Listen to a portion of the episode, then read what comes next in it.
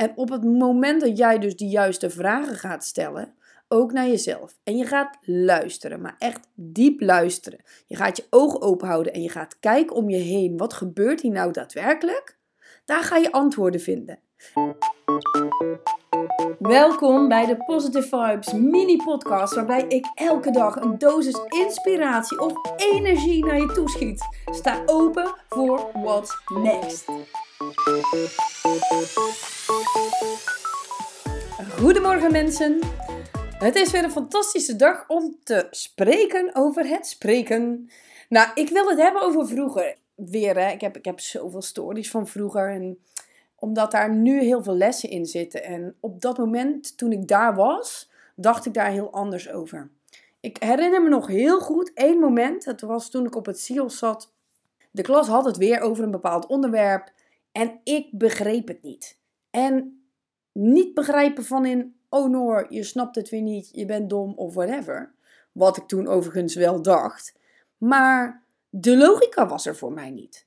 Dus op het moment dat het verhaal gedaan was, stelde ik een vraag.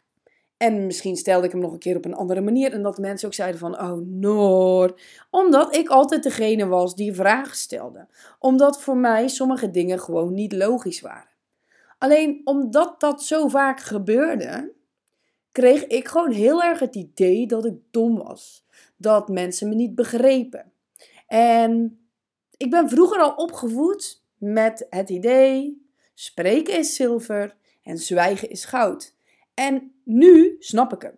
Want luisteren, maar echt luisteren, gaat wel echt deuren openen. Je kunt begrijpen waar mensen vandaan komen. Je kunt snappen wat iemand vertelt. Luister dieper. Dus iemand zegt iets, maar hoor je ook echt daadwerkelijk wat diegene zegt. En same story is op het moment dat jij dus bijvoorbeeld in een meeting zit. Op het moment dat je overleg hebt met je collega's, met je werknemers. Hoe goed luister je dan dus? Want zit daar een boodschap achter? Waar komen die personen vandaan? Wat is hun verleden? Hoe zijn ze opgegroeid? Hoe zijn ze opgevoed? Wat doen ze nu in hun dagelijks leven? Wat is hun perspectief, hun visie op de wereld? En kun jij verwachten van die personen een antwoord te geven, wat bijvoorbeeld voor jou fulfilling is in het kader van wat jij wil bereiken of doen? Nou, even terug nog naar toen in die klas. Ik werd dus heel onzeker eigenlijk door al die dingen. Terwijl mijn brein ging eigenlijk 10.000 kanten op. Ik had allemaal scenario's, verhalen, situaties waar het allemaal naartoe zou kunnen gaan of waar het ooit vandaan was gekomen. Maar die vragen werden gewoon eigenlijk niet beantwoord, waardoor ik steeds onzekerder werd. En nu ben ik eigenlijk zover dat ik denk: oh, Norma, je stelde wel vragen, maar je begreep niet waar degene die het vertelde vandaan kwam. Dus ik wist dat perspectief niet. Dus ik had een ontbrekende factor waardoor mijn vraag ook niet goed aankwam. Waardoor de kennis die ik had op dat moment nog niet toereikend was om precies de juiste vragen te stellen. En het jammere is dat bijvoorbeeld niet heel de klas even kon reageren op een stuk. Ja, dat kon natuurlijk wel als iedereen zijn hand op zou steken.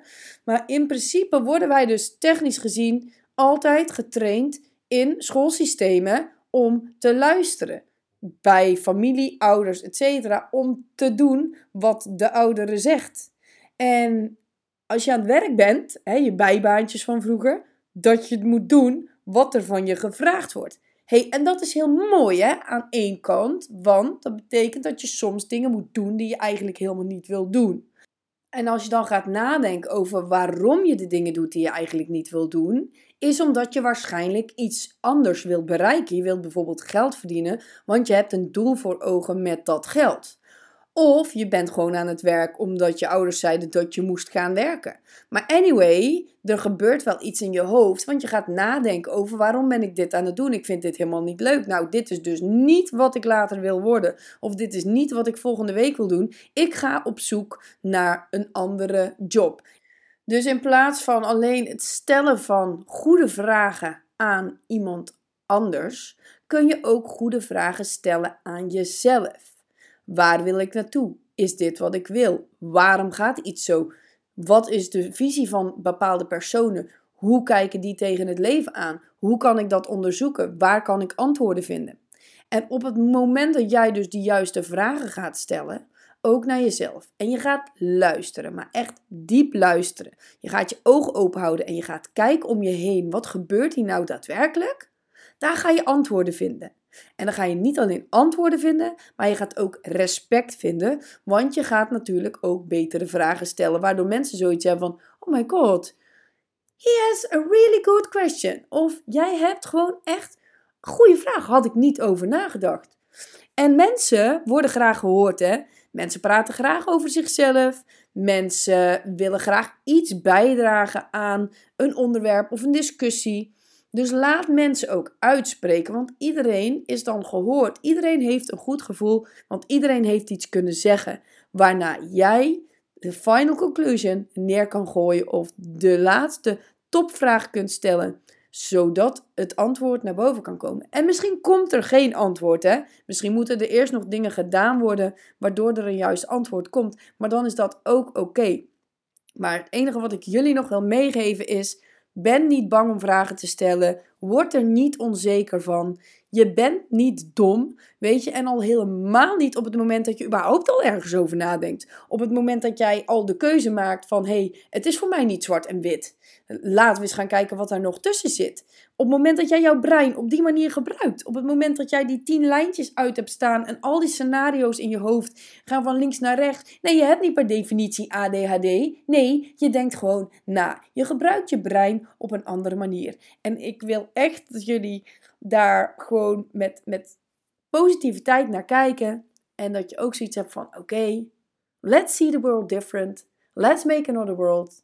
We can change things because it's possible.